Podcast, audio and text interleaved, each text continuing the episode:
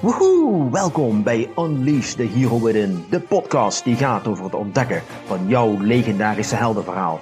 Ik neem je mee op reis langs de verhalen van helden en heldinnen die net zoals jij bezig zijn om een eigen legende te creëren.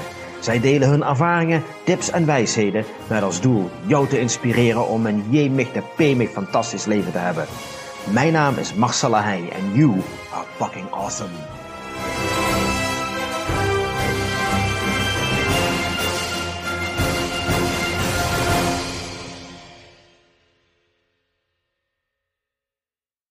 Hallo en welkom bij een nieuwe aflevering van Unleash the Hero Within. Vandaag gaan we het hebben over het einde van de wereld. En ik bedoel niet het coronavirus dat volgens sommige mensen zal leiden tot het einde van de wereld, maar ik heb het over het nieuwe boek dat geschreven is door mijn gast van vandaag, Marijke Prevel. Marijke heeft een boek geschreven getiteld De Eerste Adem, een psychologische thriller over hoe een groepje overlevenden het einde van de wereld beleven. Marijke, welkom in de podcast. Ja, leuk, uh, leuk om hier te zijn. Nou, fijn. Je hebt helemaal naar Helden afgereisd, inderdaad. hey, um, De Eerste Adem. Um, je vertelde me toen straks dat het idee van jouw boek is zo'n acht jaar geleden al ontstaan. Ja, dat klopt. Ja, dus eigenlijk uh, uh, het idee is ontstaan om te gaan spelen. Uh, het was niet eens meteen als boek bedoeld, om te gaan spelen met het idee als je nou alleen eerst alle karakters bedenkt en je gaat dan ja, een, een, daar een verhaal van schrijven, hoe ontwikkelt zich dat dan? En uiteindelijk heeft het zich helemaal ontwikkeld tot een boek. Oké, okay, maar als ik het goed begrijp, waren dus eerst de karakters van het boek die ontstonden eigenlijk? Ja. Ja, oh. ik uh, kreeg, want ik heb in de uh, Universiteit in Utrecht heb ik gestudeerd en daar kregen we een les en dat uh, in focalisatie heet dat. En dat is eigenlijk de wisseling van binnen een perspectief. Dus je kunt bijvoorbeeld de ik hebben, jij hebt de hij-zij, hè, dat verschil kent iedereen wel. Maar ook binnen de hij-zij heb je daar nog verschillen in. Dus bijvoorbeeld de vrouw kijkt naar het meisje of het meisje kijkt naar de vrouw. Dan vertel je het verhaal over de schouders van iemand anders. Mm -hmm. en wat ik in dat experiment wilde gaan doen, is uh, het per hoofdstuk wisselen van met wie je meekijkt, zonder dat de kijk, of dat de lezer, zeg maar, dat uh, direct merkt in het hij-zij perspectief. Oké, okay, dus je hebt uh, acht hoofdrolspelers in het verhaal eigenlijk. ja, uiteindelijk zijn het er elf geworden. Oké, okay, het zijn elf, elf karakters geworden. En die gaan het einde van de wereld ervaren, eigenlijk. Ja, ja. En iedereen bekijkt dat van zijn eigen perspectief. Iedereen gaat er anders mee om. Precies. Um, Oké, okay, neem eens even mee naar het proces. Want je zegt, de karakters die waren in eerste instantie ontstaan. Dus er was nog geen verhaallijn. Je had nee. nog niet het idee van ik ga iets vertellen over het einde van de wereld. Uh, nou, dat wel. Dus ik wist wel, het begint eigenlijk bij het einde. Want mm -hmm. de wereld is al vergaan. En uh, dan komen een aantal mensen erachter dat ze nog overgebleven zijn. Dat wist ik dat het begin zou zijn. Mm -hmm. Ik wist ook hoe het zou eindigen. Maar alles daartussen wist ik eigenlijk nog niet. Um, toen ben ik eigenlijk de eerste jaar, twee jaar, ben ik alleen maar bezig geweest met de personages te leren kennen. Om echt de hele karakters duidelijk te hebben. En vervolgens ben ik tijdens het schrijven bij iedere situatie gaan nadenken. Nou, maar wat zou dat karakter in deze situatie doen? Wat zou dit karakter in die situatie doen? En zo zijn eigenlijk alle subverhaallijnen uh, door het boek heen ontstaan. Oké, okay, dus, maar dan heb je dus een heel psychologisch profiel gemaakt van de betreffende hoofdrolspelers ja. eigenlijk. Ja. Oké, okay, dus je bent je daar heel erg in gaan verdiepen van wat zou iemand met dit profiel gaan reageren op bepaalde situaties. Ja, ja klopt. Oh wauw, daar ja. helemaal gaan ondergedompeld. Uh, Precies. Um, hoe is, het, hoe is het einde van de wereld trouwens ontstaan in het, in het boek? Um, nou, in het boek is echt de natuur terug gaan vechten. Dus okay. op een gegeven moment hè, was de, de, de mensheid gewoon te veel aanwezig op de aarde. En dacht de wereld, uh, nou hier heb ik genoeg van. Mm -hmm. En uh, is door middel van uh, ja, stormen, zal ik maar zeggen, en verschillende natuurrampen, maar alles op elkaar volgend. Eigenlijk zoals je in heel veel science fiction films ziet. Mm -hmm. Maar het verschil is dat ik begin te schrijven nadat het gebeurd is. Dus het begint als de storm al voorbij is. Ah, okay. um, dus het begint echt met het ontwaken van de eerste, eerste personage uh, nadat het gebeurd is. En dan komt er wel nog een tweede storm die nog wat uh, ophef veroorzaakt en de, de wereld zoals we hem kennen laat verdwijnen. Uh, waardoor het echt alleen nog maar natuur is. Maar de, de, de echt, het, het vergaan is eigenlijk al gebeurd als het boek start. Oké, okay. hoe ben je op het idee te komen om een verhaal te schrijven wat gaat over het einde van de wereld? Had je niks vrolijkers kunnen bedenken? Ja, dat is heel, heel grappig, want mensen omschrijven me altijd echt als, als het zonnetje in huis en dan mm -hmm. super vrolijk en optimistisch. En eigenlijk is het boek niet eens zo optimistisch. Nee. af en toe. Um, maar ik denk dat ik uh, het, het, het altijd leuk vind om een beetje de mysterie op te zoeken. Dus dingen die nog niet uh, die wel deels realistisch zijn, maar nog niet meteen realistisch. En daar de grens van op te zoeken. Dus het, het boek zoekt ook de grens met fantasie op. Um, dus ik wilde altijd wel nieuwe werelden creëren in mijn verhalen. Mm. En, en, naarmate ik uh, ja, eigenlijk ouder werd, wilde ik dat wel een realistischere nieuwe wereld laten zijn. En ik denk dat dat een beetje tot dit idee is gekomen van, nou, ik wil een wereld gaan creëren die nog dicht bij die van onszelf staat. Uh, maar toch een nieuwe wereld is. Oh, wauw. Oké, dus in het boek komt daadwerkelijk een nieuwe wereld tot stand eigenlijk. Ja, de, de kleuren van de lucht is iedere dag anders. En, eh, en, en, ja, en de bossen zijn er een aantal gewoon kleine details die of eerder mensen niet opmerkten, of er nu opeens zijn dan staan. Dus het, de wereld komt letterlijk weer tot leven. Nou ja, ik kan me voorstellen dat als het einde van de wereld er is en de meeste mensen zijn weg, ja, dat je nog heel veel tijd voor jezelf over hebt. Dus bewustwording is misschien wel aan jouw spelers in het verhaal wel een grote ontwikkeling. Ja, ja bewustzijn zeker. Alleen is het, het, het, het grappig ook wel dat er juist ook eh, iemand in zit, een personage die heel spiritueel voor het lijkt. Maar juist door continu in zijn gedachten een, bepaald soort ja, spirituele arrogantie bijna krijgt en denkt dat hij alleen nog maar over moet zijn. En dat het anderen het weer niet waard zijn. Dus het is niet per se dat de spirituele bewustzijn, zoals wij hem nu ook vaak kennen, mhm. meteen altijd als positief wordt hmm, gezien. Dus daar heb ik wel ook een beetje mee gespeeld. Oké, maar hoe heb je dat gedaan om je te gaan verdiepen in die elf karakters? Want dat vergt toch een hele hoop huiswerk, lijkt mij, of niet? Ja, ja, ik was destijds ook nog iets jonger, dus ik ben ook echt Sims-poppetjes gaan maken. Sims-poppetjes, ja? Dat vind ik nog altijd grappig. Had ik een leeg kavel aangemaakt, want ja, er was geen huis. En uh, had ik daar gewoon die elf personages opgezet. En ben ik ook op die manier uh, bezig geweest. Maar ook echt persoonlijkheidstesten gedaan, uh, carrière testen, echt al die... en dan had ik dan ja, mappen van op mijn computer waar wat alles bij elkaar hield. Maar ook gewoon echt in gedachten. Dus als ik gewoon in, in bed lag een avond met een, over een bepaald personage nadenken denken. Wauw. Maar dat niet alleen, want dan heb je dus de individuele personages, maar die gaan ook de interactie met elkaar aan in het verhaal. Ja, Oké, en dan ontstaat er ook van alles en nog wat. Ja, Net zoals in het echte leven eigenlijk. Precies, ja, en zo ontwikkelen de karakters zich natuurlijk ook, want ze zijn niet gedurende het hele verhaal hetzelfde. Mm ze proberen eigenlijk continu, um, zoals ze waren, te verbergen aan zichzelf opnieuw te ontdekken, maar dat lukt niet altijd. Dus ze blijven eigenlijk in dezelfde fouten vallen, de meeste, uh, zoals ze dat voor het einde van de wereld ook deden. Oké. Heb, je, ehm, heb je ook veel gekeken naar mensen in jouw omgeving? Heb je daar veel inspiratie uit gehaald? Um, ja, ik denk dat je dat altijd onbewust wel doet. Het is mhm. niet zo dat een bepaald personage op een bepaald persoon uh, is gebaseerd. Uh, ook niet per se op mezelf. Je ziet vaak dat schrijfsters hè, de hoofdpersonage op eenzelf uh, baseren of eigenschappen daarvan. Maar ik denk dat in ieder personage wel iets van een eigenschap zit. Dus eigenlijk, hè, je moet toch een bepaalde verbinding hebben met elk personage. Of het mhm. nou goed of slecht is. Mhm. of alles daartussen. Want zo zwart-wit is het niet. Um, en ik denk ja, op die manier dat er wel van verschillende personages uh, dingen in zitten. Okay. Zoals er bijvoorbeeld in het begin een, uh, ja, een vriendschap. Maar ja, daar was eigenlijk de, de, vriendin die was op dat moment al overleden tijdens het einde van de wereld. En die heb ik ook gebaseerd op de vriendschap met mijn beste vriendin. Dus dat is een klein uh, personage, of klein, ja, klein stuk in het boek waar ik echt haar beschrijf. Hmm. Oké. Okay. Ik kan me voorstellen dat het misschien zelfs een beetje therapeutisch voor jou werkt. Want je kunt dus best wel een aantal persoonlijke uh, items die je hebt, uh, verwerken in het verhaal en oplossen, of niet? Uh, ja, zeker. Uh, ja, dat is een manier van uiten. Hè? Hmm. Dus zijn bepaalde dingen en, en door het zo te verstoppen in verhalen van anderen, zijn het niet per se dingen waarvan je moet zeggen: hey, kijk eens, ik, ik, ik zit met dit. Mm-hmm. Want er zijn zoveel onderwerpen en echt niet alle mm. onderwerpen is iets waar ik zelf gelukkig mee, mm-hmm. mee in aanraking ben gekomen. En dat maakt het wel, wel bijzonder. Ja, ja oké. Okay. Heb je een van de. Um uh, karakters, zeg maar, ook uh, gebaseerd op je eigen leven? Is er een persoon in dat verhaal die... Uh, nee, nee, dat is, dat is dus het mooie. Ik denk dat in iedereen wel iets zit. Dus bijvoorbeeld mm. één iemand is dan een psycholoog, maar dat is iets wat ik ooit had willen worden, zeg maar, toen ik, toen ik jonger was, maar nooit geworden ben.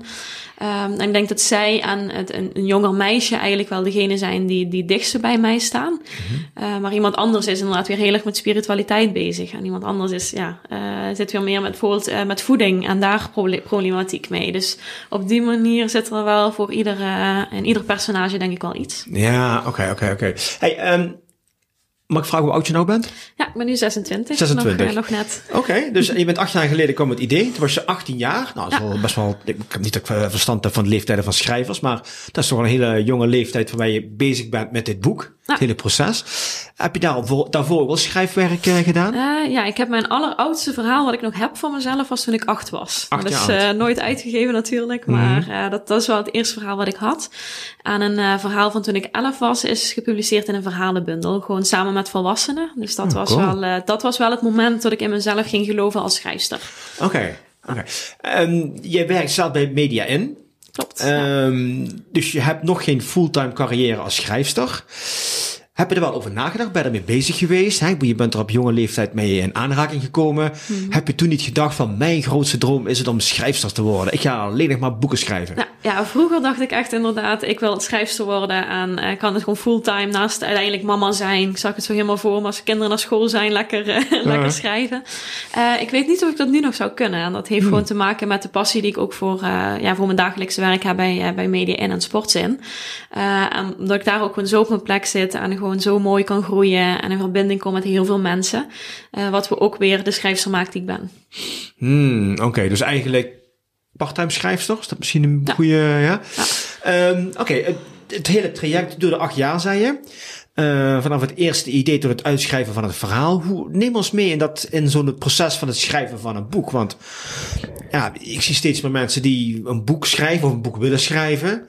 Uh, ja, lijkt me ook heel erg leuk, maar bij mij staat dat op een heel laag zijspoor ergens volgens mij. Um, ik kan me voorstellen een ontzettend tijdrovende klus is. Hoeveel uren in de week ben je daar um, mee bezig met zoiets? Ja, uren in de week is heel lastig, want het heeft bij mij ook echt wel gefluctueerd. Uh, ik heb echt af en toe een jaar helemaal niks eraan gedaan. Uh, dat je gewoon niet verder komt, met hele andere dingen bezig bent. En dan doe je opeens weer iedere week, uh, schrijf je een hele dag per week. Dus het, ja, tussen dat heeft het wel uh, verschild. En het heeft ook gewoon te maken met tijd die je er, erin kan besteden. Um, een voorbeeld, ja, toen ik studeerde, had ik, ik had 12 uur les in de week. Dus ja, dan heb je genoeg ruimte om te doen. Maar op het moment dat je pittige vakken hebt, gebeurt het iets minder dan op het moment dat je makkelijke vakken hebt. Uh, op reis, nou, dan heb je zeeën van tijd. En, uh, of toen ik in een winkel werkte als in mijn tussenjaar uh, voor het reizen. Nou ja, dan had ik iedere avond, was mijn hoofd nog leeg genoeg om door te gaan met schrijven. Maar toen ik eenmaal ja, een baan kreeg waarbij ik ook continu met mijn hoofd bezig was, was het wel een stuk lastiger om in die avond die pen nog op te pakken en uh, door te schrijven. Ja, want dan heb je toch twee petten eigenlijk op. Hè? Beide wil je toch je volledige aandacht ja. geven. Anders gaat het volgens mij niet. Ja. Um, ja, hoe, hoe heb je dat gedaan? Want het is toch wel een pittige uitdaging, ja. lijkt mij zo. Ja, het mooie is dat ik van Natasha, mijn, ja. uh, mijn bazin, uh, echt de opdracht heb gekregen om een uur in de week uh, aan het boek te werken tijdens werktijd. nou, uiteindelijk maakte ik toch altijd extra uren, dus dat mm. kwam altijd wel goed. Mm -hmm. Maar ik moest het ook echt naar haar mailen. dat is wel dus toch achter de deur geweest om het uiteindelijk af te maken. is wel al zo'n twee jaar geleden. Dus nadat het eindelijk af was, heeft het proces met uitgeverijen zoeken, herschrijven, et cetera, ook nog twee jaar geduurd. Dus dat, uh, ik ben heel blij dat het er nu eindelijk is. Ja, kan ik me voorstellen. Heb je ooit in dat proces gedacht, uh, fuck it, ik, er wordt helemaal niks, ik stop ermee, ik gooi het in de la en... Met dit boek niet. Nee, ik heb nee? wel uh, voorheen boeken, of dan, dan dacht ik, en dan was de, de fuck it eigenlijk, de, ik geef het wel in eigen beheer uit. Mm -hmm. Dus dat ik het toch nog, dat was een boek toen ik 18 was, samen met een vriendin, hebben we een eigen beheer uitgegeven. Um, daarvan dachten we wel op een gegeven moment van, ja, we gaan niet nu nog dat hele proces van uitgeverijen doorlopen en dit is goed op deze manier. Maar met dit boek heb ik altijd zoiets gehad, nee, hier zit meer in. Oké, okay, oké. Okay. Dus en nu is het klaar. Hoe was het proces om op zoek te gaan naar een uitgever? Frustrerend. Oh ja? ja? uh, nou, vooral omdat uitgeverijen op een of andere manier voor mijn gevoel in de tijd zijn blijven hangen.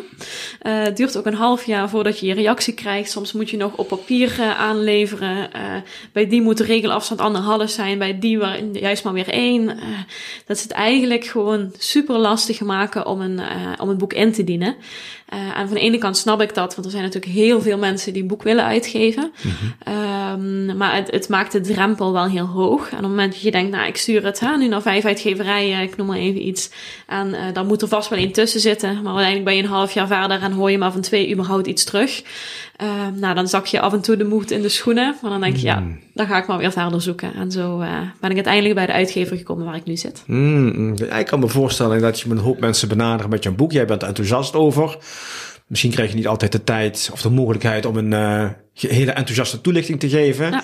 En ben je gewoon afhankelijk van, ja, ik mail het toe en nou ja. Ja, ja je kunt alleen toemailen, er is geen persoonlijk contact. Uh, en dat is iets wat ik natuurlijk niet gewend ben van hoe ik normaal werk. Daar is alles, staat alles voor verbinding, persoonlijke connecties, contact. En dan verwacht je ook eigenlijk dat dat ook wel op die manier zou moeten kunnen. Mm -hmm. uh, maar dan kom je in een hele andere wereld terecht.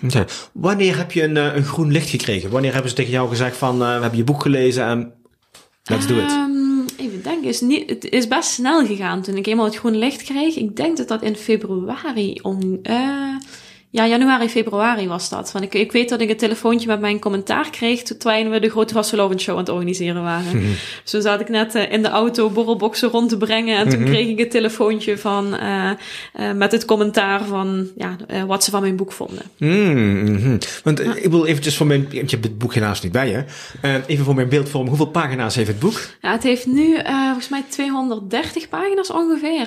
toen ik hem zelf, en ik had hem eerder al een keer een aantal stuks laten drukken, was het 300 pagina's. Maar ja, de keuze in uh, de grootte van het boek, is een, voor, ja, in verhouding een vrij grote, uh, groot exemplaar. Mm -hmm. um, uh, heeft, ja, heeft de pagina's iets minder gemaakt, waardoor de drukkosten iets lager zijn. Ah, Oké, okay. ja. ja, ja, ja. Oké, okay. nou is het boek klaar. Ehm, ja, het, het, einde van de wereld, denk je dat het hele corona gebeuren een beetje meegeholpen heeft? Um, nou, ik denk niet per se in de beslissing voor het boek mm -hmm. uit te geven, maar ik denk wel dat de timing uh, zo moest zijn als wat het nu is.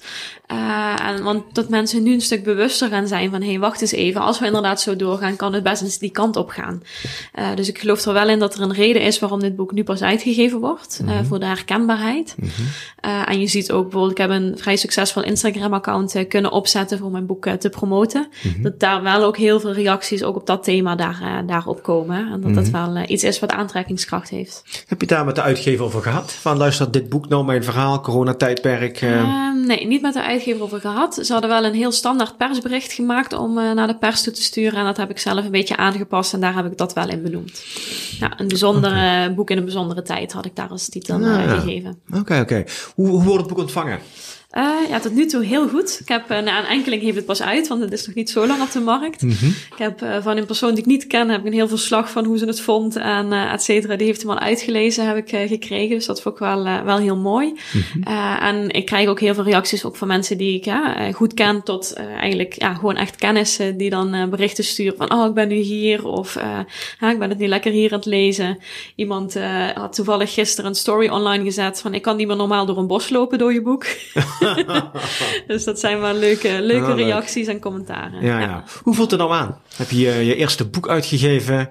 Jouw verhaal? Ja, ja het voelt heel mooi. Dus uh, het, voelt, het voelt toch anders ook dan de, de vorige keer. Gewoon omdat ik nu een heel ander netwerk heb die dat lezen is. De vorige mm. keer was het echt familie, vrienden, zeg maar. Mm -hmm. En nu heb ik toch mensen, en ja, ook een groter netwerk, gewoon natuurlijk door, uh, door mijn werk ook. En daardoor lezen mensen het, die het ook echt willen lezen en er echt een bepaalde interesse in hebben. En die reacties en uh, de betrokkenheid, de commitment die ik voel met de lezers, dat vind ik wel heel bijzonder. Hmm, Oké. Okay. Kun je misschien wat meer vertellen over het verhaal? Ik, ik heb het zelf niet gelezen, helaas. maar kun je wat meer mensen die nou luisteren denken van oké, einde van de wereld, okay, klinkt interessant, uh, karakters. Waarom, waarom zou ik het boek moeten kopen? Waarom zou ik het boek moeten gaan lezen? Nou, ik denk dat het boek heel veel lessen met zich meedraagt. Eigenlijk op heel veel verschillende manieren. Dus niet, niet per se een belerend boek, dat, dat wil ik absoluut niet, uh, niet beweren. Maar het is op een uh, hele interessante triggerende manier geschreven. Omdat je continu in verschillende gebeurtenissen komen. En het is niet per se ha, één lijn van, oh, en het wordt steeds erger en er is een cliffhanger en daarna gaat het naar beneden. Ha, zo, mm-hmm. Zoals de, de standaard spanningsboog. Dat is het echt, echt niet.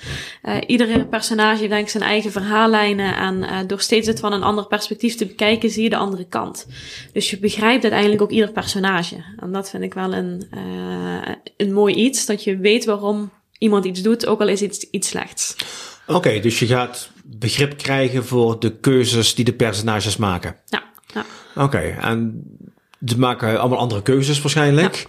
Het heeft allemaal gevolgen. En daar is waar het, het, het, uh, het leerelement in zit? Uh, ja, ja. En ook wel uh, het bewust worden van ja, dat je bepaalde patronen hebt opgebouwd die je niet zomaar kunt doorbreken. Uh, dus er zijn, uh, is iemand die bijvoorbeeld, vroeger was hij docent in het leven daarvoor. En die had dus bepaalde problemen met machtsverhoudingen. Want hij kreeg de klas kreeg hij nooit stil. Dus op het moment dat het dus ja, zijn kamp hadden gevormd, wilde hij de baas zijn. Want hij wilde dat gevoel van macht, wat hij nooit had gehad, wilde hij dus gaan voelen. En natuurlijk mislukte dat net zo goed als dat hij zijn klas niet naar hem luisterde. Omdat hij gewoon een niet goede manier van leiding geven heeft. Ah, okay. En heeft het niet met de klas te maken, maar met hem als persoon. Hmm, leiderschap. Ja, ja, Interessant, interessante thema's. Wat zijn nog meer thema's die terugkomen in het verhaal? Uh, thema's ook uh, moederschap, uh, drugs is ook een thema. Is één iemand, ja, die was voorheen, had die drugs. Maar ja, als het de wereld vergaan is, is het ook lastiger om daaraan aan te komen. Um, even denken ja, het zijn heel verschillende dingen. Ook ja, het, het, het, stukje vreemd gaan, hè? Lust, uh, samen iets willen opbouwen of niet, het vertrouwen in anderen. Ja, echt, echt de dagdagelijkse thema's. Mm, Oké, dus eigenlijk dat zijn best wel inderdaad universele thema's, waar ja. veel mensen, bijna iedereen denk ik wel, op een bepaalde tijd in ons leven. En nu kunnen we dus zien hoe andere mensen daarmee omgaan met die thema's. Ja. Dus ja, ik kan me voorstellen dat sommige thema's, die bespreek je niet met iedereen eigenlijk. Hè? Je kunt teruglezen in een verhaal hoe mensen daarmee omgaan. Dan kun je iets aan hebben, inderdaad. Oké. Okay. Zat er thema's bij die jou persoonlijk heel erg uh, raken of heel erg aanspreken? Um, ja, ik denk ieder thema wel op een bepaalde manier. Ik denk niet, uh, ik denk, ben aan het denken wat. Um, mijn favoriete thema. Nee, ja, het meisje voelt, het jonge meisje voelt zich vaker alleen op de wereld bijvoorbeeld. En dat heb ik zeker ook in momenten, maar uh, ja, niet, niet zo in, de, in, in een extreme zoals dat meisje bijvoorbeeld. Mm -hmm. Dus het is al, eigenlijk is alles een beetje uitvergroot en uh, op een andere manier uh, toegelicht. Oké, okay, het jonge meisje ja. alleen op de wereld. Ja. Kun je daar wat meer over vertellen? Ja, het meisje is ook degene waar je mee start. Dus het okay. verhaal uh, opent zeg maar dat het meisje, en zij is dan 14 jaar, maar ze is, ze is eigenlijk nog jonger dan dat ze um, jonger van geest dan dat ze lichamelijk is. Um, en uh, ja, zij komt in de wereld, ze is niet, werd nooit begrepen door, door haar familie. Ik, ik overigens zelf wel, dus dat is niet, niet autobiografisch. Um, en zij gaat dan op zoek in een heel onbekende wereld. Ze denkt voor een tijd dat ze alleen, uh, echt alleen op de wereld is. En op het moment dat ze dan een vrouw tegenkomt, dan, ja, van de ene kant is ze bang om naar de vrouw toe te gaan, omdat die ja, misschien bevestigt dat dit alles geen droom is. Maar van de andere kant wil ze wel die ja, genegenheid weer voelen met die vrouw. Dus uiteindelijk zoeken ze toch toenadering naar elkaar. Mm -hmm. uh, en die vrouw die heeft nooit kinderen kunnen krijgen. Dus die heeft weer een bepaald moedergevoelens. Okay. Wat vervolgens niet lukt om dan echt moeder te zijn. Omdat ze weer door haar eigen thema's wordt afgeleid. Ah, Oké, okay, dus die zo verweven die thema's zich ja. een beetje met elkaar. Ja, zo zijn ja, eigenlijk. Uh, en dan is er iemand anders die juist weer wel die vadergevoelens op zich pakt, terwijl hij die behoefte eigenlijk weer helemaal niet heeft. Dus het, mm. ja, zo zijn wel alle. Uh, en ha, kiest die vrouw dan voor de partner met de vadergevoelens of voor de partner die uh, de wildste dromen waarmaakt. Mm. en dat soort eigenlijk hele dagdagelijkse thema's zitten dus ook op die manier in het boek verweven. Dilemma's, keuzestress. Ja. Goh, wat herkenbaar allemaal eigenlijk, hè? Ja, precies. Ah, Oké. Okay. En nu, boek klaar. Boek ligt overal in de, in de schappen. Het ligt op bol.com, het is overal te koop. Ah. En nou, heb je promotietour, ga je boeklancering, heb je bo boeklancering uh, gedaan nou ja, in, uh, in, deze gekke tijd nog, niet, uh, nog niet helemaal. Ik wil mm -hmm. wel nog, nog een evenement gaan doen zodra het weer kan, om mm -hmm. er even ook weer een boost aan te geven. Mm -hmm. ik merk nu, dus, dus, ik ben heel tevreden over hoe het, hoe het gestart is met de verkoop. Ook mensen die ik niet ken hebben het gekocht, dus dat was mijn eerste doel dat ik behaald heb. en nu gaan we er een stap over dat het eigenlijk zijn eigen leven gaat leiden. Uh, dat mensen het gewoon kopen zonder dat ik contact met ze heb. En ik denk dat dat komt op het moment dat ook de eerste mensen het boek uitgelezen hebben. Uh, ik heb het ook naar haar recens re recens recensenten. Mensen die recensies schrijven. uh, gestuurd, zodat dat weer een, uh, ja, een bepaalde uh, beweging in gang brengt.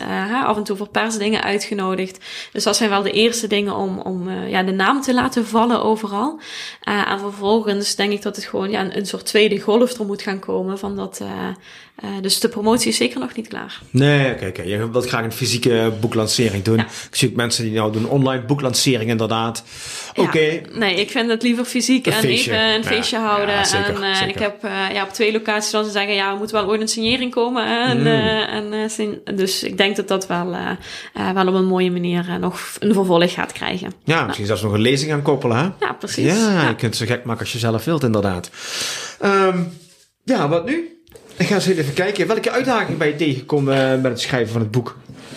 Nou, ik denk dat de grootste uitdaging ook wel focus was om het uiteindelijk af te krijgen. Dus blijven geloven in jezelf. Mm -hmm. uh, en ook al heb je er een, hal een half jaar tot een jaar niks aan gedaan, om het toch weer op te pakken. Dus ook als, je, hè, als de uh, luisteraars zelf bezig zijn met een boek, maakt niet uit als je een tijd niet hebt uh, geschreven. Pak hem gewoon weer terug, lees een stukje terug en ga dan weer door. want uiteindelijk het gevoel als je hem af hebt, is gewoon super mooi. Ja, ik kan me voorstellen dat een hele tijdrovende klus is inderdaad. Ik heb ja. ook iets gelezen over ghostwriters. Ja, dat als jij denkt van nou, ik kan zelf niet zo goed schrijven, maar ik heb wel een fantastisch verhaal te vertellen. Dat je kunt werken met een ghostwriter. Nou, in jouw geval speelt dat niet, dat weet ik. Maar zou ook nog een optie kunnen zijn, inderdaad. Hey, ja, goed, het thema bij ons is natuurlijk uh, helden. Hè? Mm Ontdek de helden in jezelf. Je hebt een boek geschreven waarin elf helden eigenlijk uh, de hoofdrol uh, spelen. Wie is jouw grootste held in jouw leven persoonlijk? Ja, op dit, op dit moment denk ik eigenlijk mijn bazin, Natasja. Oh, holy ja. shit. Ja. Kudos to Natasja. Uh, ja, precies. Waarom? Nee, als ik zo, nee. Um, nou, ze inspireert me gewoon enorm. En ja, ze heeft me ook dus geïnspireerd om dit boek af te maken. Mm -hmm. uh, maar niet alleen daarom, ook gewoon een manier om in het leven te staan, intuïtief ondernemen, uh, echt vanuit jezelf uh, werken en dicht bij jezelf blijven. En dat, daar herinnert ze me wel iedere dag aan. Ah, Oké, okay, wauw. Nou, dat is heel mooi. Ja. En uh, hoe zie jij jouw toekomst? Want je bent pas 26. Nou, ik zie mijn to toekomst vooral als onvoorspelbaar. um, uh, toevallig heb ik zaterdag een meditatie gedaan. Ik heb een meditatieleraar in Thailand, want daar heb ik een opleiding gevolgd. En om de twee weken hebben we een online moment waar je kunt aansluiten als meditatieleraar om dan weer van hem uh, door te leren. En toevallig zei hij heel mooi, het leven is onzekerheid en onzekerheid is leven. Uh, dus op het moment dat je alles helemaal vooruit gepland hebt, eigenlijk al precies weet wat je gaat doen, hmm. nou, dan, ja, dan kun je eigenlijk al ermee stoppen, want dan weet je al wat, het, ja, wat er gaat zijn. Ja. En, uh, en dat is ook wel hoe het voor mij af en toe voelt. Ik, uh, ik krijg ook af en toe kriebels van zekerheid. Ik word op dit moment ook nog anti-kraak. Ik ga wel, als het goed is, nu naar, een naar een appartement toe. -huh. Um, maar op die manier zoek ik wel continu onvoorspelbare dingen op. Um, en dat doe ik ook door veel te reizen, steeds weer naar andere landen te gaan als het kan. Mm -hmm. uh, en ik vind het mooi dat ik dat nu binnen een baan gevonden heb. In plaats van, dat, want anders had ik, was ik waarschijnlijk echt een baanhopper geweest die van uitdaging naar uitdaging ging. Maar nu kan ik echt binnen mijn werk van uitdaging naar uitdaging. En ik denk dat dat wel is wat omschrijft hoe mijn toekomst uit gaat zien. Geen mm. idee en ik uh, ga mee met de flow. Oké, okay. zie je jezelf in de toekomst nog als uh, ondernemer? Um, nou, bezig zijn? Ik ben wel als ondernemer gestart en ik denk dat ik daar weer mee ga stoppen, dus ik denk het niet. Oké. Okay. ik ben uh, mijn praktijk als ademcoach uh, ben ik ook begonnen. Dus ik oh, ben ja? even een zijspoortje uh, geweest. Met meditatieleraar en ademcoach opleiding gedaan. En ik denk, nou, ik wil ook die spirituele kant, vind ik super interessant, wil ik ook mensen in begeleiden. dus ik had één dag in de week had ik een praktijk. Toen hm. ja, moest die stoppen omdat contactberoepen even een tijdje niet mochten. Mm -hmm. Uh, en in die tijd is mijn boek eigenlijk gaan ontstaan, of uh, de, de, het uitgeven van mijn boek gestart. En omdat ik daar nu zo druk mee ben, ben ik eigenlijk niet meer gestart mm -hmm. met de praktijk. Ja, ja, ja. Uh, echt als bewuste keuze. Dus ik denk, ik ga er even niet op promoten of focussen.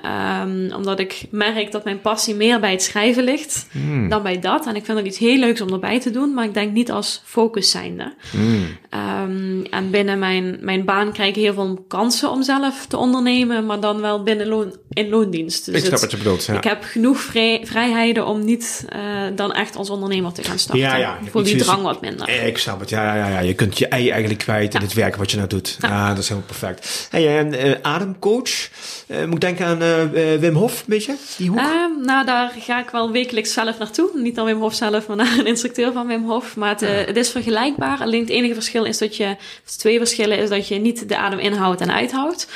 en ik werk met drukpunten. Dus het zijn echt één op één sessies waarbij je iemand zelf met de ademhaling bezig is, bepaalde blokkades aanraakt. Maar ik ook van buitenaf die blokkades ook weer stuur. Of energie stuur door met drukpunten en aanrakingen te werken. Oké, cool. Want je hebt, je, je hebt een meditatiecoach uit Thailand, zei je net? Ja. Oké, hoe moet ik me dat voorstellen? Ehm, dat toen ik in Thailand aan het reizen was. Dus ik ben zes weken Thailand, Laos geweest, ook voor werk. En eh, toen ben ik daar een, uh, een meditatieleraaropleiding van tien dagen gaan volgen. Uh, dus het was een intense, intense lange week. ehm, waarin we eigenlijk zelf een bepaalde techniek leerden om ook vervolgens dus echt aan mensen te gaan geven en begeleiden. Dus ik heb, ben ook ooit nog een YouTube kanaal met meditaties begonnen. Dus dat, dat bestaat er ook nog. Ik doe, doe vrij veel. um, en uh, daar hoop ik ook mensen mee te inspireren. En uh, af en toe geef, en begeleid ik ook nog meditaties, ook online, mensen over de hele wereld, die dan via, eigenlijk via die meditatieleraar bij ons terechtkomen. Zij heeft een site waar ik uh, ook namens hem gratis meditaties weggeef, om op die manier de liefde eigenlijk te verspreiden. Ja, nice. En hoe heet die website? Um, ben even denken. Ja, dat is... dat weet ik zelf. Het is een website van in Thailand. Dus oh, oh nee, maar jouw uh, eigen website waar oh, je meditaties... Nee. Uh... nee, dat is gewoon echt op YouTube. Dus, oh, op YouTube. Uh, ja, dit is mijn bedrijf van de ademcoachpraktijk. ook heet Atma Prema. En daar... Sorry? Atma Prema. Atma Prema. Ja, en daar, uh, dat zo heet ook mijn YouTube kanaal. Ah, dus okay. daar zijn uh, de meditaties ook op te beluisteren. Ja, want ik heb wel eens gehoord dat uh, um, ademen, we nemen het allemaal uh, voor granted aan eigenlijk, maar ademen, hoe je ademt en ademhalingsoefeningen, dat dat toch redelijk bovenaan het lijstje staat wat een positieve bijdrage levert aan je gezondheid. Ja, zeker. zeker. Ja. Je, moet, je moet je voorstellen dat je heel veel dingen in je lichaam vasthoudt. En ik zelf, als ik dan ook kijk naar, naar mijn heldenreis, dan denk ik dat ik heel lang zat ik volledig in mijn hoofd. Dus ik zat echt in mijn fantasieën, ja, ook met schrijven uit. Je bedenkt allemaal dingen en alles speelt zich af in het hoofd. En hoewel ik heel spiritueel was, had ik eigenlijk geen verbinding met mijn lichaam. Uh, en toen ben ik gestart met danstherapie, waardoor ik echt mijn emoties door mijn lichaam leerde te uiten. Uh, daarna ging ik naar Thailand, kwam ik bij die meditatietechniek die echt de emoties in het lichaam lokaliseert. Dus ja, dat is ook echt, uh, echt heel fysiek. En vervolgens kwam ik in aanraking met de adem, uh, ademhalingsmethode die je nog dieper in het lichaam brengt. Okay. Dus zo heb ik wel weer ja, meer verbinding met de aarde dan eigenlijk ook weer gekregen, of met het lichaam. Uh, ja. mm, wauw, wauw, wauw, wauw. Ik, bedoel, ik weet dat je pas uh, 26 bent, dus een heel leven voor je. Fantastisch natuurlijk. uh, hoe wil jij later herinnerd worden? Ik denk vooral als een heel positief persoon die op hele veel mooie manieren de wereld in beweging heeft gebracht. Uh, dus ik wil wel echt ja, mijn stempel op een positieve manier achterlaten. Uh, niet per se met één manier. Kijk, ik vind het heel mooi als dat met een boek gebeurt, heel, mm -hmm. maar ook heel mooi als dat met een meditatie is. Mm -hmm. Of met meer verschillende meditaties. Ik, uh, ik zie wel wat het pad brengt, maar ik wil wel echt mensen inspireren. Je wilt echt mensen inspireren. En of dat nou met meditaties is, of ademhaling, of jouw verhalen, ja. of met jouw werk bij Media In. Dat is helemaal open. Dus nou, je hebt wel heel erg uh, veelzijdig talent uh, zo te horen eigenlijk. Heb je nog een voorkeur voor iets? Of, uh... nou ja, op dit moment ligt de focus op het schrijven, of ja, het uitgeven van het boek, boek dan aan, aan Media In. En, um, maar ik denk, ja, zo in, op mijn pad komen er altijd weer andere dingen. En ik vind vooral de afwisseling gewoon heel mooi. Oké. Okay. Ja, ik kan me iets me voorstellen. Hey, welk rolmodel heeft de grootste invloed gehad op jouw leven? Ik ben even denken, ja, eigenlijk als rolmodel van een bekend persoon bedoel je dan? No, of, niet per se, een, maar... Um, nou, ik ga nu even eenmaal terug naar mijn kindertijd. Want vroeger was ik echt uh, fan van Peter Pan. Uh, Peter Pan was eigenlijk de held waar ik mij als kind mee, mee deed verbinden. En dat vind ik achteraf best grappig. Uh, ja, want sowieso, ja, dit is een jongen. maar het is, ik was dan ook Wendy. Ik was dan degene die, die met Peter Pan mee naar nooit gedachtland ja, ging. Ja, ja, um, maar het, het, het kind blijven zijn, zal ik maar zeggen. Wat ik als kind dan toch heel erg had. Terwijl ik van de andere kant heel snel heel volwassen wilde worden. Dus ik, toen ik op mijn twaalfde, op mijn elfde eigenlijk dat verhaal af had, snapte ik echt niet dat het niet uitgegeven werd. Uh, nu snap ik dat wel, maar toen, ja, op dat moment dacht ik echt van, ja, maar dit is toch al zo goed als iemand die volwassen is. Ik ben toch volwassen. Mm-hmm. dus die paradox heeft wel altijd op die manier in mij, in mij gezeten. En ik denk dat dat wel, ja, als rolmodel dan Wendy, die toch even naar nooit gedachtland ging en dan, en dan weer terug naar de echte wereld, denk ik dat daar dan wel een mooi symbool voor staat. Ja, ik wil het zeggen, want Peter Pan die blijft in, in Neverland eigenlijk, ja. hè? En Wendy die gaat terug naar de realiteit, geloof ik, ja. hè? Ja. Want Peter Pan die wil nooit volwassen worden. Nee, precies. Die wil eeuwig kind blijven. Ja. Ja, kind van Neverland. Wat, wat is Neverland? Dat is ook wel interessant. En daar hadden we het voor dit gesprek ook eventjes over, hè? kind blijven. Ja. Uh, misschien is het wel een thema, voor jouw privé, voor jouw leven bijvoorbeeld. Wat houdt kind zijn voor jou in? Ja, ik, uh, ik heb afgelopen weekend heb ik toevallig een mooie spirituele sessie gehad. En in die sessie kwam eigenlijk heel erg naar boven van eerst zelf nog even kind zijn. En dat was een hele mooie realisatie, want ik, ik wil altijd maar ouder zijn. En ja, ben nu bijna al toe aan het werken naar later zelf een gezin. En het speelt allemaal in mijn hoofd en daar voel ik me onzeker over. En ik denk dat het nog omarmen dat ik zelf nog eerst kind mag zijn, dat het wel een heel erg rust over me heen brengt. En het leven af en toe niet te serieus nemen of niet te veel van mezelf verwachten. Want ik doe natuurlijk al heel veel, dus mhm. waarom zou ik dan nog meer van mezelf verwachten? Ja, uh, ja. Dus het is een, een, stukje liever voor mezelf zijn en uh, ja, meer stilstaan bij de kleine dingen. En wat ik ook heel erg merkte is uh, een beetje dingen stiekem doen. Dus ook zo, weet je wat, dat die ondeugd ja, een beetje. Hè? en bijvoorbeeld stiekem de avondklok overtreden, zal ik het maar even zeggen. Dat, dat zijn wel van die dingen die dan ja, bepaalde kindse, rebelse dingen in je dan boven brengen. Ja, ik kan me daar iets bij voorstellen, inderdaad. Maar je zei dat je had wat. Um, uh, last is niet het goede woord. Je gebruikte net een woord over ouder worden, gezin krijgen, of gezin stichten, kinderen krijgen. Is dat iets waar je mee worstelt of waar je mee speelt? Of? Um, ja, er zijn bepaalde, ja, ik ben bepaalde beperkingen in mijn leven tegengekomen, zeg maar. En uh, ik, ik, kom uit een heel hecht gezin. Dus uh, dat hechte gezin is wel iets wat ik wil nastreven. Mm. En is wel iets wat ik uiteindelijk ook zelf echt wil. En het liefst bij wijze van een groot gezin en dat soort dingen allemaal. Maar er zijn daar wat moeilijkheden op het pad. Um, maar ik denk dat door... Ja, ik was eerst bezig vooral met mijn vrouwelijkheid en het moederlijke in mezelf te omarmen. terwijl ik nu denk, nee, ik moet juist dat kind gaan omarmen. En die moeder, die word ik wel. Ja, ja. Er is een quote en ik, ik weet niet precies hoe die gaat. Van we worden niet ouder omdat we stoppen met spelen. Nee, we worden ouder omdat we. Nee, we worden niet. We stoppen niet met spelen omdat we ouder worden, maar we worden ouder omdat we stoppen met spelen. Dus eigenlijk dat, eh, dat innerlijke kind, dat, dat spelen, dat avontuurlijke, dat ondeugende, ontdekkende, ja, eigenlijk zouden we het allemaal veel, veel meer mogen ontarmen. Ja, precies. Toch? Want ja, we leven in een hele serieuze wereld op dit moment. Uh, met een hele beperkingen en belemmeringen en dingen die vooral niet mogen. En misschien lokt dat juist wel dat kind zijn in ons uit. Ja, precies. We worden alleen maar geconfronteerd wat allemaal niet kan en niet mag. Regels. En dan word je weer even lekker kind en dat je denkt, ik ga toch nog dat koekje uit die snoeppot pakken. Toch? Of ik ga toch nog even stiekem maar eens een drankje doen. Ja, nou ja, ik, ik, ja, ik, ik moedig dat wel aan eigenlijk wel. Hè? Maar goed, ik hou er ook wel een beetje van, van, dat, uh, de ondeugende en dat innerlijke kind. Van ja, ik ben een, ik word 52, dus ja. Twee keer zo oud als jou eigenlijk, ja. krijg me net. Jezus man, je had, je had mijn dochter kunnen zijn. Hey, um, spiritualiteit speelt wel een groot, uh, grote rol in jouw leven, merk ik eigenlijk. Um, bij mij ook trouwens, maar spiritualiteit vind ik wel een mooi iets. En ik merk aan mezelf dat als ik hè, mijn best doe om de beste versie van mezelf te kunnen zijn, mm -hmm. wat dat dan ook is, dat ik um, mezelf wat, wat, ja, regeltjes, misschien een niet goede woord, maar wat, um, ja, wat dingetjes opleg die ik graag wil doen om tot die beste versie van mezelf te mhm. zijn. En bij mij zijn dat vaak, vaak ochtendrituelen. Hè? Dus ik begin de dag met de meditatie en gezonde thee bijvoorbeeld, lichaamsbeweging, noem maar allemaal op. Heb jij ook bepaalde ochtendrituelen waar je de dag mee begint? Uh, nou, ik heb vooral ochtendrituelen die ik graag zou willen doen, maar nooit doe. Oké. dus uh, ik, ja, ik, ik, ik, neem me altijd voor om te beginnen met uh, meditatie, ademsessie. ik heb ook dan, dan volg je verschillende opleidingen en alle opleidingen zeggen, ja, je moet wel iedere ochtend dat ook doen. Dan denk je, maar dan wordt mijn ochtendritueel veel te lang. Ja. Waardoor ik uiteindelijk weer, eigenlijk juist in de weerstand kom om, om dat zelf te doen. En omdat die ochtendrituelen voor mij zo lastig zijn, heb ik meer afspraken met andere mensen ook samen om, om daarmee bezig te zijn. Hmm. Dat is ook waarom ik iedere maandagavond de Wim Hof methode doe, zodat ik wel iedere week adem. Um, uh, vervolgens heb ik ook iedere woensdagochtend ga ik dan wandelen plus mediteren met mijn collega's voordat het werk begint. Dus dat zijn al van die momenten dat ik ja, er sowieso al mee bezig ben. En vervolgens zoek ik dan vooral, als ik wat meer tijd heb, ook in de weekenden, doe ik eigenlijk, ben ik eigenlijk langer met spirituele dingen bezig. Of een zin op een avond.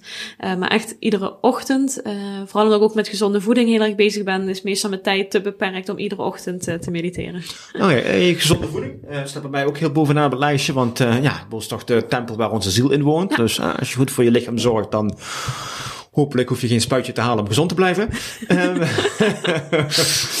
wat, voor, wat voor dingen doe jij bijvoorbeeld om uh, gezond te eten? Ben je vegetariër of... Nee, ik, ben eigenlijk ja, gezond gaan eten om die redenen om moeder te kunnen worden. Mhm. Uh, om daar wat veranderingen aan te brengen. En uh, ja, het hormonale stuk eigenlijk helemaal even op te schoppen en uh, terug in balans te brengen. En dat is me gelukkig goed aan het lukken. Um, en dus het, het, was ook wel een stukje afvallen wat daar, daarvoor nodig was. Dus ik ben eigenlijk op vrijwel alleen maar groenten zal het bijna overgegaan. met dan de benodigde voedingsstoffen die daarbij horen nog erbij. Dus ontbijten met of een zoete groente, dus een zoete aardappel, een wortel of een groentesoepje. Is dan, dit is mijn ideale dag. Ik hou het niet Ja. iedere dag. Ja, ja. Uh, in de middag uh, doe ik dan meestal iets van een rode kool met dadels, uh, radijsjes. Maar daar, daar maak ik dan ook iets lekkers van. Maar ook meestal groente gebaseerd. Soms, soms al wat ei, kip of een vleesvervanger erin. En in de avond dan wel, um, ja, meestal of een eiwitbron of een koolhydraatbron dan, uh, dan bij de, de groente erbij. Dus het kan wel ook gewoon vlees zijn. Wel zo, aan, vooral alles zo puur mogelijk. Ja, ja, biologisch En, vlees uh, of zo. Ja, ja. ja. en de laatste tijd is het wel uh, af en toe ook weer een cracker erbij. En ben ik wat iets meer naar toch gewoon de koolhydraten ook in, uh, in het dieet gewoon weer mee aan het nemen. En nu ben ik even stabiel op gewicht.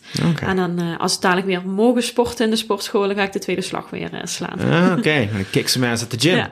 ja, ja, ja. Hey, um, wie is de meest interessante persoon die je ooit ontmoet hebt?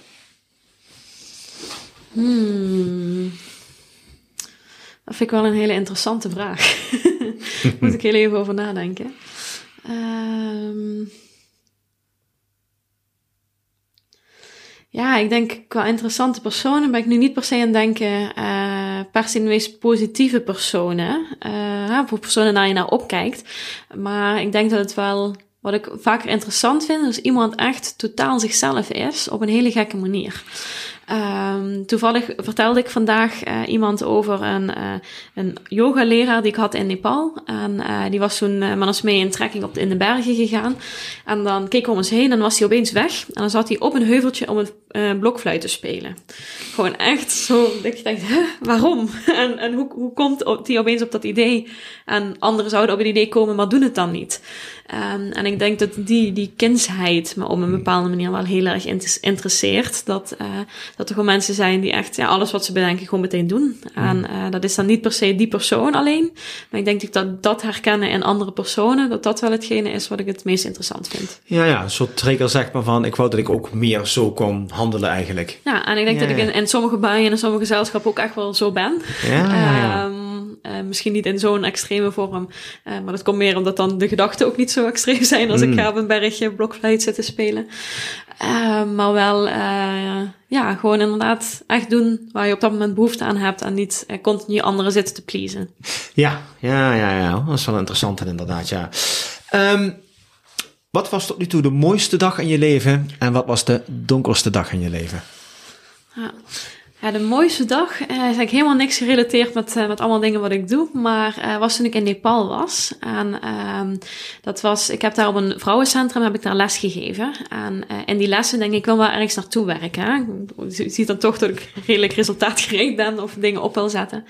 Ik denk, ik kan hier nu wel een maand lang lessen geven, maar ik kan ook ja, een bepaalde opbouw maken. Mocht de lessen helemaal zelf bepalen. Toen ben ik gaan toewerken naar een receptenboek. Dus ik ben begonnen met recepten lezen, uh, het uitbeelden van alle woorden, uh, tot uiteindelijk dat zij op, op uh, A4 papiertjes recepten op hebben geschreven waar vijf lepels zout in zaten, wat echt no way kan. Maakt niet uit. de recepten zelf nog in de keuken bij het gastgezin allemaal uitgeprobeerd en gemaakt en uiteindelijk die gedigitaliseerd en in een klein boekje ook een eigen beheer uitgegeven. Wauw. Uh, dat heb ik toen in vrienden en familie uh, verkocht. Dus ook heel, heel klein, schalig. Uh, maar toch een, een kleine 100 euro mee, mee opgehaald op die manier. En het mooie ervan vond ik dat het niet een donatie was. maar dat ik gewoon tegen zei: Nee, maar jullie hebben het toch opgeschreven? Jullie hebben dit geld verdiend. Mm. en toen ben ik samen met hen, en dat is dan de mooiste dag, gaan shoppen voor een keukentje. Voor in een vrouwencentrum. Mm. En toen kwam ook echt zo'n zo'n vrouwtje van 61, die dus nooit op school had gezeten tot haar 60ste met een uh, potlepel naar me toe. Mag deze ook? Weet je? Met zo'n glunderende oogjes en heel blij dat ze dan die potlepel mocht kopen. Gewoon Hmm. dat ze dat eigen geld was, waar ze dat, uh, dat dan mee mocht doen. Hmm.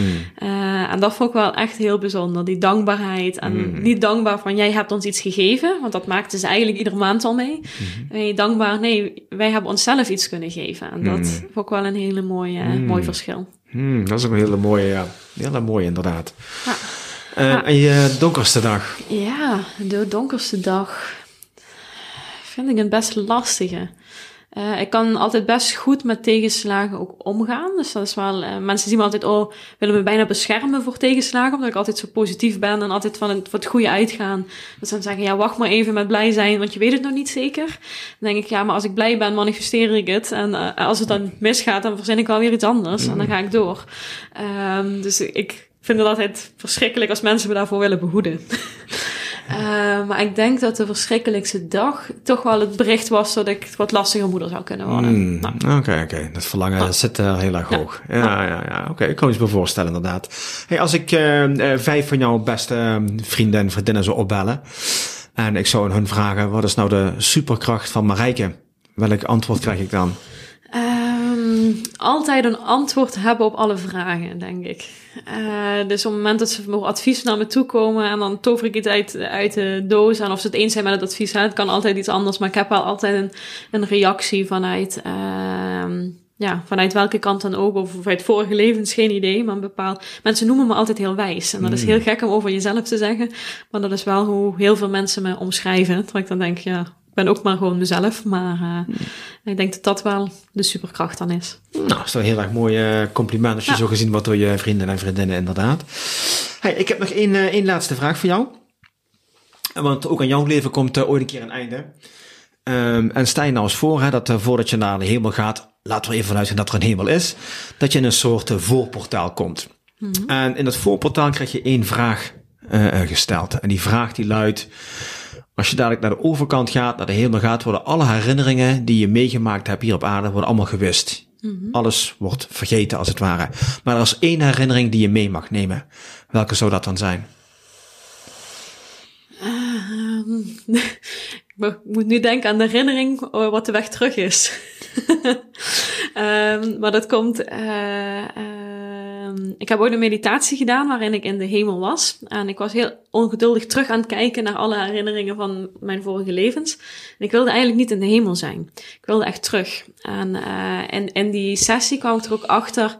Hè, was dan, eh, merkte degene die een healing gaf, merkte ook van, jij hebt echt moeten vechten om nog een keer terug te komen. Ze wilden je bijna hier even nog houden, maar jij wilde per se terug. En voor mij staat het ook voor dat ik zoveel mogelijk in dit leven wil proppen. Zo van, dadelijk is mijn tijd op en ik, ik wil alles nog doen. Dat, dat, dat gevoel. Eh, dus ik denk inderdaad, als ik die vraag zou krijgen, zeg ik van eh, de weg die ik hier naartoe loop, dat ik die nog terug weet te vinden. Mm, ja, dat is een hele mooie inderdaad. Dat is een hele mooie. Ehm, is er nog iets wat jij kwijt wilt? Jou graag het laatste woord, wat je nog wilt delen, wat je nog, ehm, ja, wat je nog graag wilt delen. Eh, nou ik vond het een heel fijn gesprek en ik eh, hoop dat ik hiermee mensen trigger en inspireer om ook eh, mijn boek te gaan lezen en daar dan weer mee kan inspireren. Ja, nou dat zou zeker fijn zijn. Ik bedoel, ehm, ja, nog één keer de titel van het boek. Eh, de eerste adem. De eerste adem. Het is overal te koop. Als ik het doe googelen, dan Ja. vind ik het meteen. Kan je het gewoon vinden. Kun je het overal eh, kopen, inderdaad. Nou ja, jij, jij wil hartstikke bedankt voor je komst eh, naar Helden. Bedankt voor eh, het gesprek. Fijn dat je helemaal eh, ja, open je verhaal eh, wilde delen en de vragen wilde beantwoorden. Eh luisteraar, jij ook bedankt weer voor je tijd en het luisteren. Ik hoop dat je er weer wat wijsheid uit hebt kunnen halen voor jezelf. En wederom, tot de volgende keer. Thank you. Bye bye.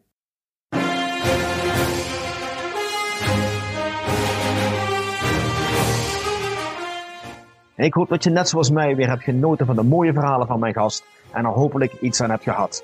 Wil je meer inspirerende goodies ontvangen of hoe jij een fucking awesome legendarisch leven kunt hebben? Ga dan naar mijn website unleashtheherowithin.nl en meld je vandaag nog aan. Thanks for listening and until next time, stay awesome.